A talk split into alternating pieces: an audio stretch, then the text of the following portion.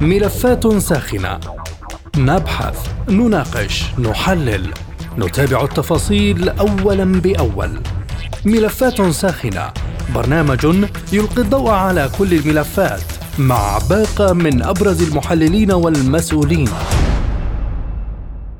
أهلا بكم مستمعي راديو سبوتنيك أينما كنتم وهذه حلقة جديدة من برنامج ملفات ساخنة. معكم في هذه الحلقة خالد عبد الجبار.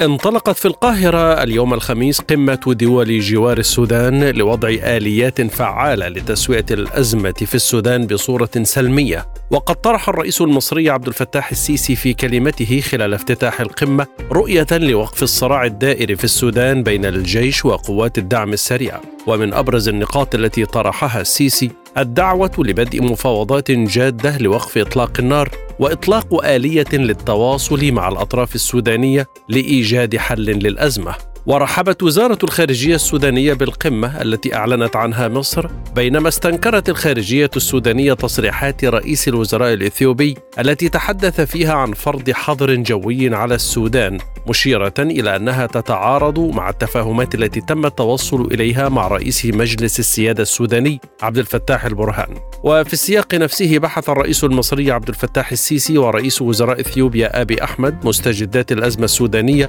وقضية سد النهضة وذلك خلال استقبال السيسي لآبي أحمد الذي يرأس وفد بلاده المشارك في قمة دول جوار السودان التي تستضيفها القاهرة حسب ما ذكر بيان للرئاسة المصرية على موقعها الرسمي. وانعقدت الجلسة التحضيرية لقمة دول جوار السودان على مستوى كبار المسؤولين في القاهرة أمس الأربعاء بينما تنطلق اليوم الخميس القمة بحضور كامل. نتساءل في هذه الحلقة من برنامج ملفات ساخنة ما مدى قدرة هذه القمة على حسم الأزمة أو تقريب وجهة النظر على الأقل وما هو موقف طرفي الصراع من هذه القمة وما علاقة التداخل والتخارج بين هذا المسار ومسارات أخرى إقليمية ودولية. أرحب بضيفي هذه الحلقة من القاهرة اللواء محمد عبد الواحد خبير الأمن القومي والاستراتيجية ومن لندن الأستاذ عبد الواحد إبراهيم عضو شبكة الصحفيين السودانيين.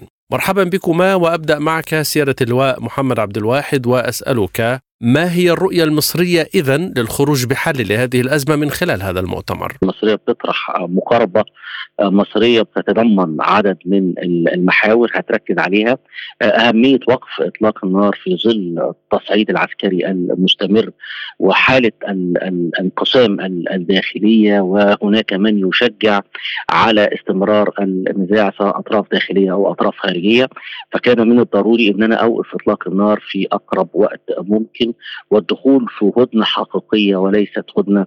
هشة ثم بدء المفاوضات مباشرة بين الطرفين لإيجاد صيغة آه، مشتركة يستطيع الطرفين تحقق مصالح كل طرف على حدة.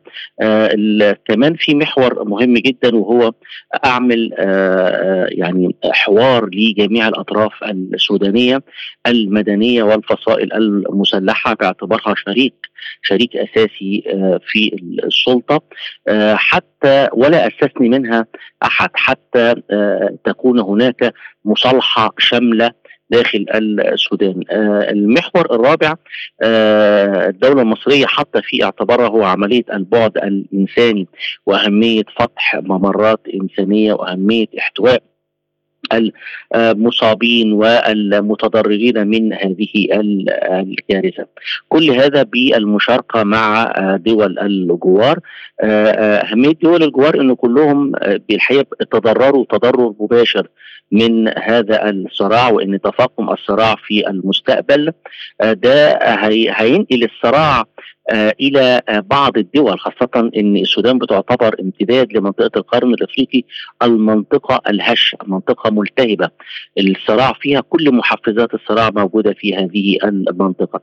ليس فقط الصراع فحسب ولكن أيضا إن السودان لو دخل في حالة فوضى من السهل أن تنتقل إلى جماعات الجريمة المنظمة والجماعات الإرهابية شديدة الخطورة التي تنتظر هذه الفرصة. والحقيقة السودان مهيأ لاستقبال الجماعات الإرهابية لا سيما وإن لديه خلفية إسلامية كبيرة. النظام السابق نظام إسلامي ينتهز هذه الفرصة للقبض على المشهد مرة أخرى. استضاف من قبل في التسعينات عناصر من تنظيم القاعدة والجماعة الإسلامية في الخرطوم في فترة التسعينات إلى أن تم طردهم فيما بعد فهو مهيأ. الحقيقة قربه من آه يعني أوقار الجماعات الإسلامية قربه من تنظيم شباب المجاهدين في آه الصومال قربه من آه جماعات تنظيم القاعدة في بلاد المغرب الإسلامي أو تنظيم داعش في الصحراء أو تنظيم داعش في آه الغرب الإفريقي.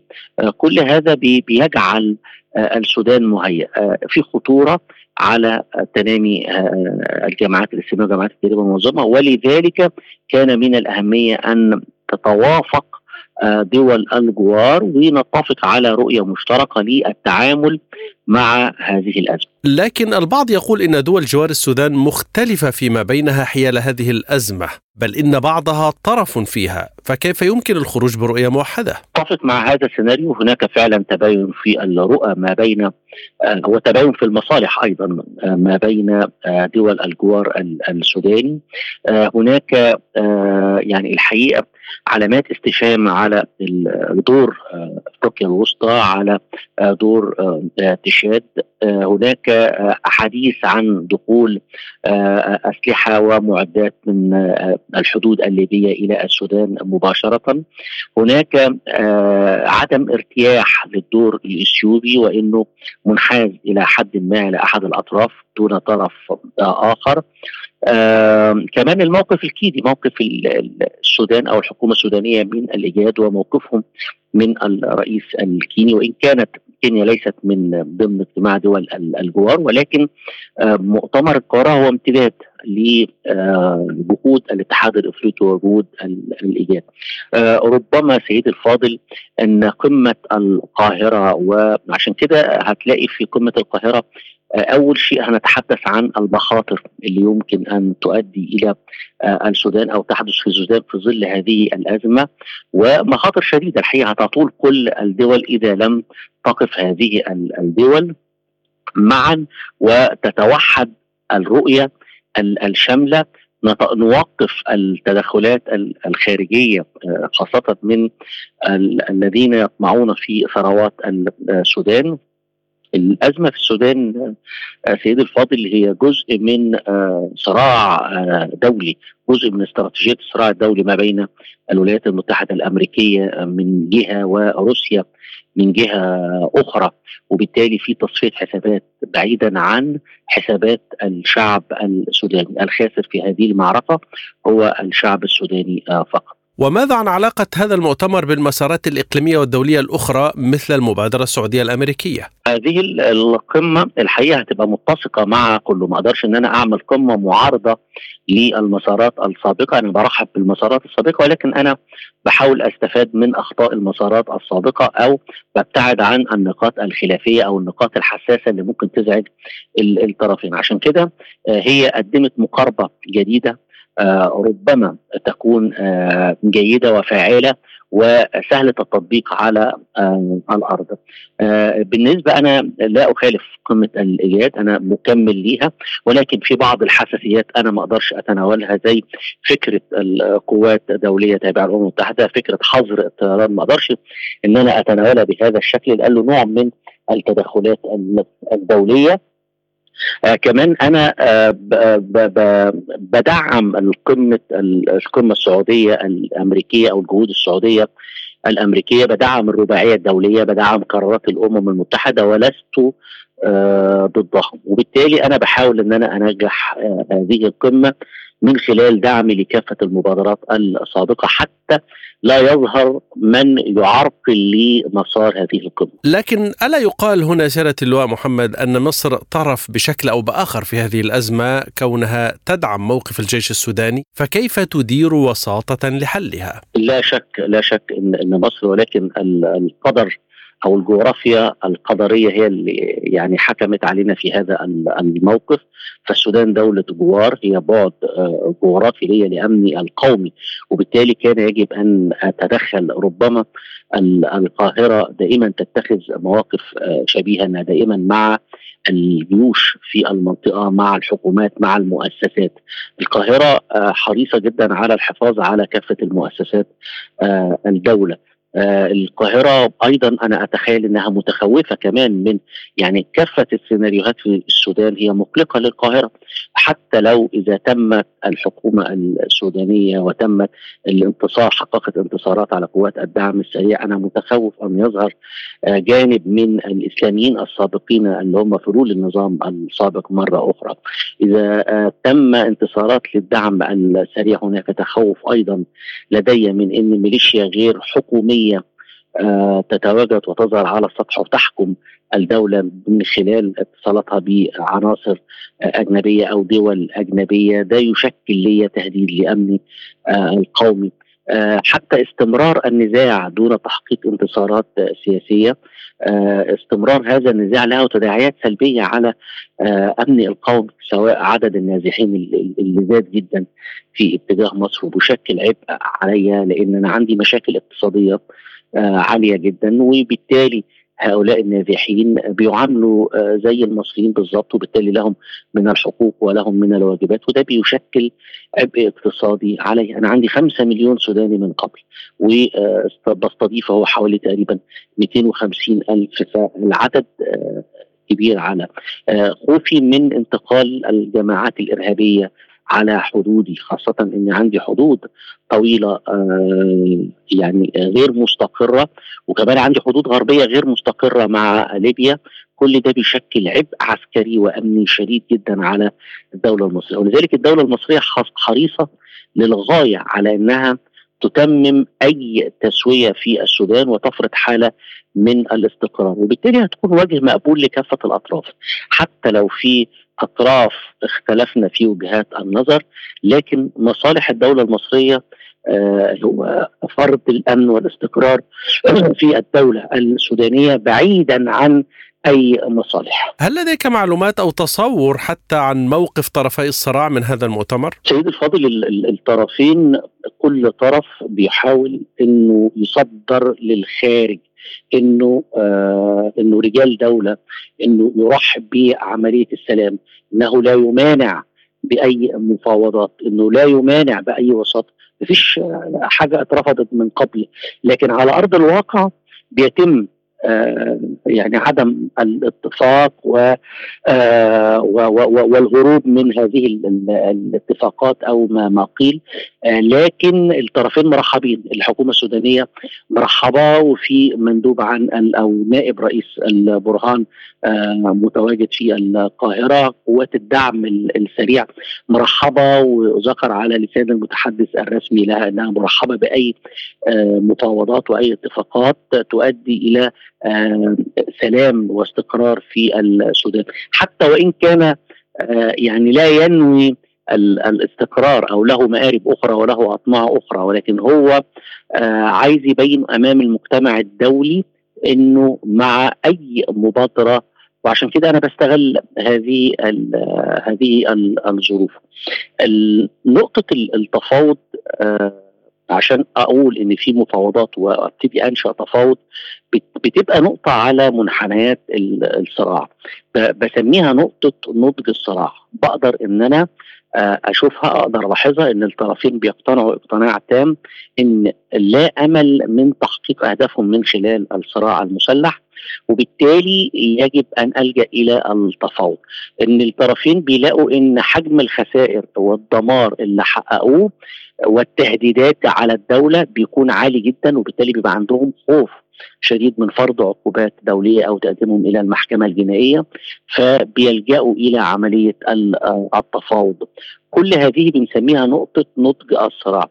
أستطيع إن أنا أحفز من هذه النقطة وأصل إليها في أقرب وقت من خلال دول الجوار من خلال المجتمع الدولي من خلال الأمم المتحدة باستخدام سياسة العصا والجزرة مع تلك الأطراف ويجب أن تكون هناك إرادة حقيقية لكل الأطراف اللي أنا ذكرتها سواء الأطراف الدولية أو الأطراف الإقليمية أو طرفي الصراع والقوى الداخلية سواء المسلحة أو المدنية إرادة حقيقية لوقف الصراع والعودة بالسودان مرة أخرى إلى ما كانت عليه من قبل. سيادة اللواء آه، هذا المؤتمر يأتي بعد مؤتمر الإيجاد الذي اقترح نشر قوات إفريقية ورفض سودانيا ما علاقة مؤتمر القاهرة بمؤتمر الإيجاد؟ له ليس له يعني أنا هبعد زي ما قلت لحضرتك ببتعد عن النقاط الخلافية اللي أثارت حفيظة الحكومة السودانية من مؤتمر الإيجاد. سيدي الفاضل يعني دعنا نتحدث وأنا دائما بتحدث مع حضرتك آه، بشفافية وصراحة هناك أطراف كثيرة تحاول أن تجعل الصراع في السودان صراع آه، بين المكون العربي والمكون الإفريقي. وده ما يحدث في دارفور وينتقل وبيحاول يبني عليه. الإيجاد منظمة أو هيئة آه، تم إنشائها في التسعينات.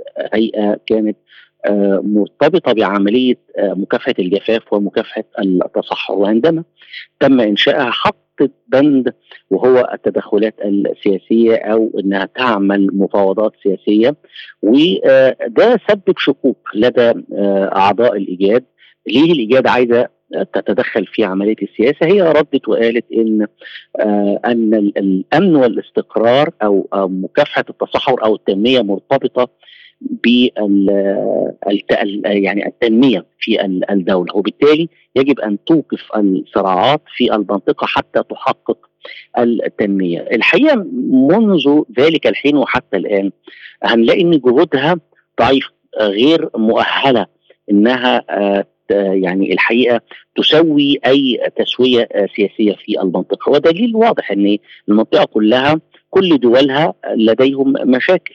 عندي مشاكل حدودية ما بين جيبوتي وما بين إريتريا على منطقة راس دوميرا ولم تتدخل الجهاز ولم تستطيع أن تحل. كان عندي مشاكل ما بين الحكومة الإثيوبية وما بين التجراي والحكومة الإثيوبية رفضت نفسها رفضت تدخل الإيجاد وتدخل الاتحاد الإفريقي في هذه الأزمة عندي مشاكل ما بين إثيوبيا والسودان على منطقة الفشقة وأيضا الإيجاد لم تفعل آه شيء.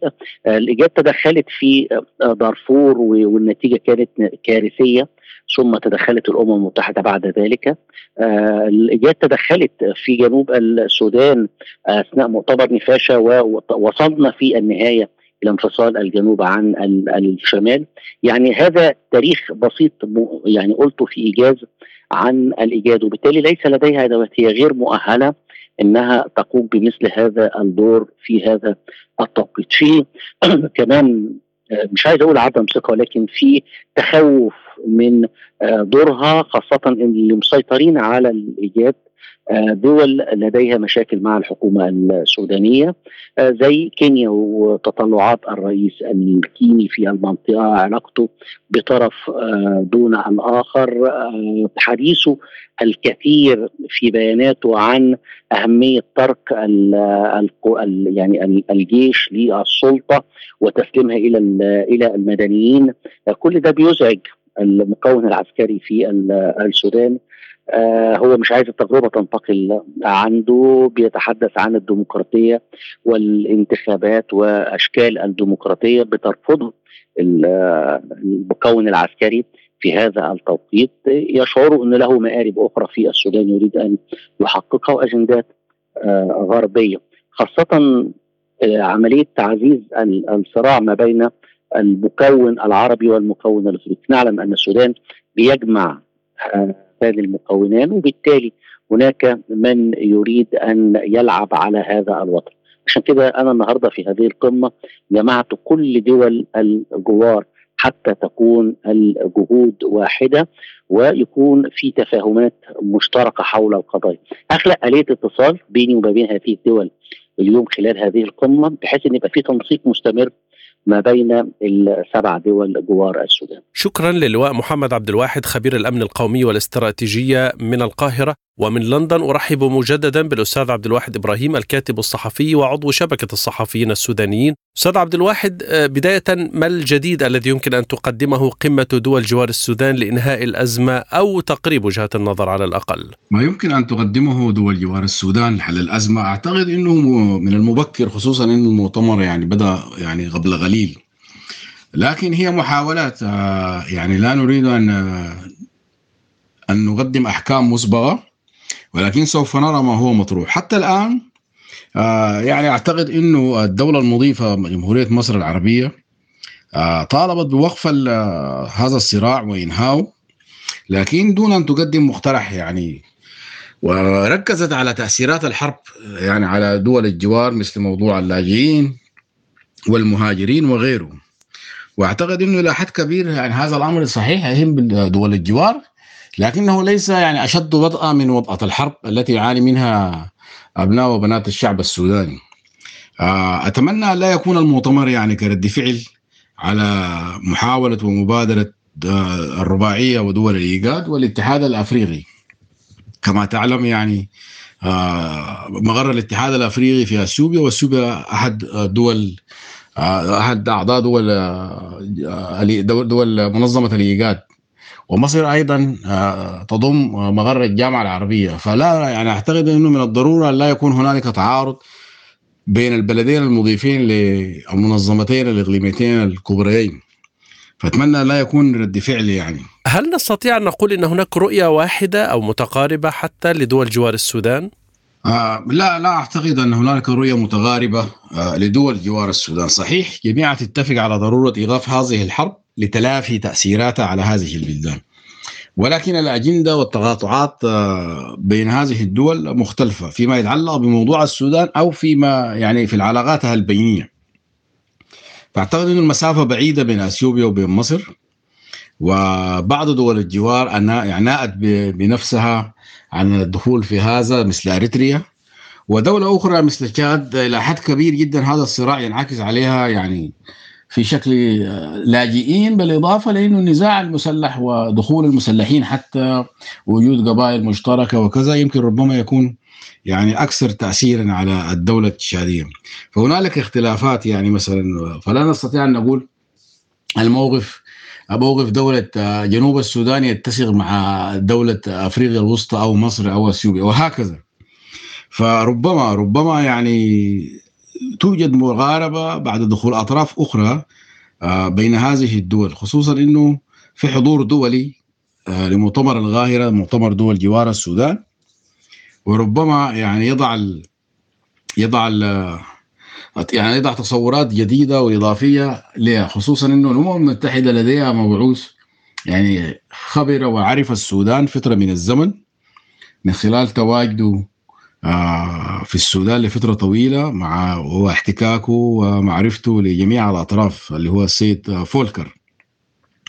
وأيضا هو يعني أشار إلى عدم قدرة الحكومة السودانية على السيطرة على الوضع وده أيضا ممكن ينبه دول دول دول جوار السودان. فكل دولة من دول جوار السودان لديها حليف داخل السودان. وهذه المرة هذه هذا الأمر ربما يصعب من مهمة التوافق بين هذه الدول لتطرح رؤية موحدة للحل. ربما هذا يعطل قليلا يعني إمكانية الوصول إلى رؤية موحدة. وكيف يمكن لهذا المؤتمر أن يخرج برؤية موحدة لهذه الدول التي أشرت أنت إلى أنها مختلفة فيما بينها حيال هذه الأزمة؟ الرؤية الموحدة أيضا يعني تبدو يعني بعيدة المنال في مؤتمر مؤتمر دول جوار السودان. وتشعر بأن يعني من خلال خطب وأحاديث وتصريحات كثير من الدول أنها يعني بالدرجة الأولى بعد تركيزها على إيقاف الحرب وإيقاف هذا الصراع من دون أن تقدم أي رؤية نجد أنها تركز على تأثير هذه الحرب عليها ودعوة المجتمع الدولي لمساعدة دول جوار السودان فيما يتعلق بموضوع اللاجئين. لكن رؤية موحدة للحل والحل في السودان هو حل سياسي. يعني لا يمكن يعني أن يكون هنالك حلا عسكريا بين مكونين عسكريين. يعني حشدوا إمكانيات الدولة يعني لفترة طويلة من الزمن والآن صاروا يتغاثرون بعضهم البعض. فهذه الحرب من المؤكد ستستمر فترة من الزمن. تتوقف هذه الفترة على مدى إمكانيات كل طرف من الأطراف. وكما تعلم أنه القاهرة كمركز لمبادرة دول جوار السودان هي حليف للجيش السوداني وليس في هذا الأمر سر. ربما تساعد هذه هذا المؤتمر يساعد في كشف مطلوبات القوات المسلحة السودانية بقيادة البرهان. ولكن قطعا يعني هذه ليست المطالب الشعب السوداني. مطالب الشعب السوداني هي في قيام حكم مدني وحكومة ديمقراطية انتقالية. والدخول بعد كده في المراحل الثانية لاستكمال عملية التحول الديمقراطي الكامل. أنت قلت إن هذا المؤتمر رد فعل لمؤتمر الإيجاد الذي كان يقترح نشر قوة إفريقية، كيف تتصور مقترح مؤتمر القاهرة؟ نعم يعني من خلال تتبع الإعلام لكل الطرفين تحس وتجد بأنه يعني المؤتمر دول جوار السودان ربما يعني في مضمونه في اتجاهات لأنه رد فعل لمؤتمر الإيجاد مؤتمر الرباعية واعتقد انه موقف مصر الرسمي الذي اعلن عنه الرئيس عبد الفتاح السيسي برفض وجود اي قوات اجنبية في السودان هو يعني معاكس تماما لأطروحة الرباعية يعني اللي تبنتها كل من كينيا وأثيوبيا. وحاولت أن تمررها عبر وتحاول وما زالت عبر الاتحاد الأفريقي عبر مجلس الأمن والسلم الأفريقي. وربما الأوضاع تنفلت من ايد آه، الغارة الأفريقية والمنطقة العربية وتؤول إلى مجلس الأمن يعني حسب التتبعات لبعض الصحافة الأجنبية والأوروبية. أعتقد إنه في اتجاه للذهاب يعني بهذه القضية إلى مجلس الأمن خصوصا يعني ما تزال هنالك يعني صعوبات جدا لدى مجلس الأمن والسلم الأفريقي ولدى الاتحاد الأفريقي لحل هذه الأزمة. ففي حالة فشل الاتحاد الأفريقي وعجز مجلس الأمن والسلم الأفريقي عن التدخل وإيقاف هذه الحرب. بصورة ميكانيكية ستحول هذه القضية إلى مجلس الأمن والسلم وسوف سوف تعقد لها يعني جلسة طارئة. وكل المؤشرات يعني تؤكد إلى اقتراب السودان من الدخول تحت البند السابع. يعني في اتجاهات زي دي في الرأي العام يعني العالمي وما يطلق عليه المجتمع الدولي. وهل يقبل أطراف الصراع بوساطة دول جوار السودان لإنهاء الصراع؟ طبعا أطراف الصراع متباينين يعني في موقفهم من دول الجوار. يعني أنت ربما تكون دول مثل كينيا وأثيوبيا آه، مقبولة إلى السيد حميدتي ودول مثل جمهورية مصر مثلا مقبولة لدي لدي القوات المسلحة بقيادة البرهان آه، في دول يعني أقل يعني تاثيرا وفعلا في هذا الأمر مثل أفريقيا الوسطى وليبيا باعتبار إنه هي أيضا تعاني من مشكلات مشابهة. ربما تشاد إلى حد كبير تتبع طريق يعني فيه الكثير من الحكمة آه، وتحاول يعني أن تحتوي الطرفين لأنه في يعني في ايا كانت الأحوال يعني سوف تقع الآثار على تشاد بشكل كبير يعني وبشكل دموي وبشكل مسلحين وغيره كما أسلفت. آه، أما أطراف الصراع أنها تقبل هذه المبادرة إذا كانت هذه المبادرة مبادرة محكمة وتوجهت صوب الأجندة الأساسية للشعب السوداني فالطرفين يعني من المؤكد سيجبروا على الالتزام خصوصا أنه في تصريحات سابقة للطرفين بأنهم هم يريدوا أن يبعدوا عن السلطة السياسية وأنهم هم حميت يتحدث عن أنهم قوات دعم مسلح فقط وهي مهمتها إسناد الدولة والأمن والسلم في السودان وحماية وحفظ حدود الوطن ويعم السلام ويتحول ال ال ال يعني تحول من الصراع السياسي الدامي إلى صراع آه، سياسي طبيعي. يعني يعني تستخدم فيه الوسائل والأدوات السياسية وليس الأدوات العسكرية. يعني من صراع إلى إلى إلى جدل اجتماعي وصراع اجتماعي وصراع سياسي. ومؤداه في النهاية الناس سوف تصل إلى رؤية لاستكمال الفترة الانتقالية. شكرا للأستاذ عبد الواحد إبراهيم الكاتب الصحفي السوداني عضو شبكة الصحفيين السودانيين من لندن. وشكرا لكم مستمعينا الكرام للمزيد. زوروا سبوتنيك dot AE. مستمعينا بهذا نصل وإياكم إلى نهاية هذه الحلقة من برنامج ملفات ساخنة. طابت أوقاتكم وإلى اللقاء.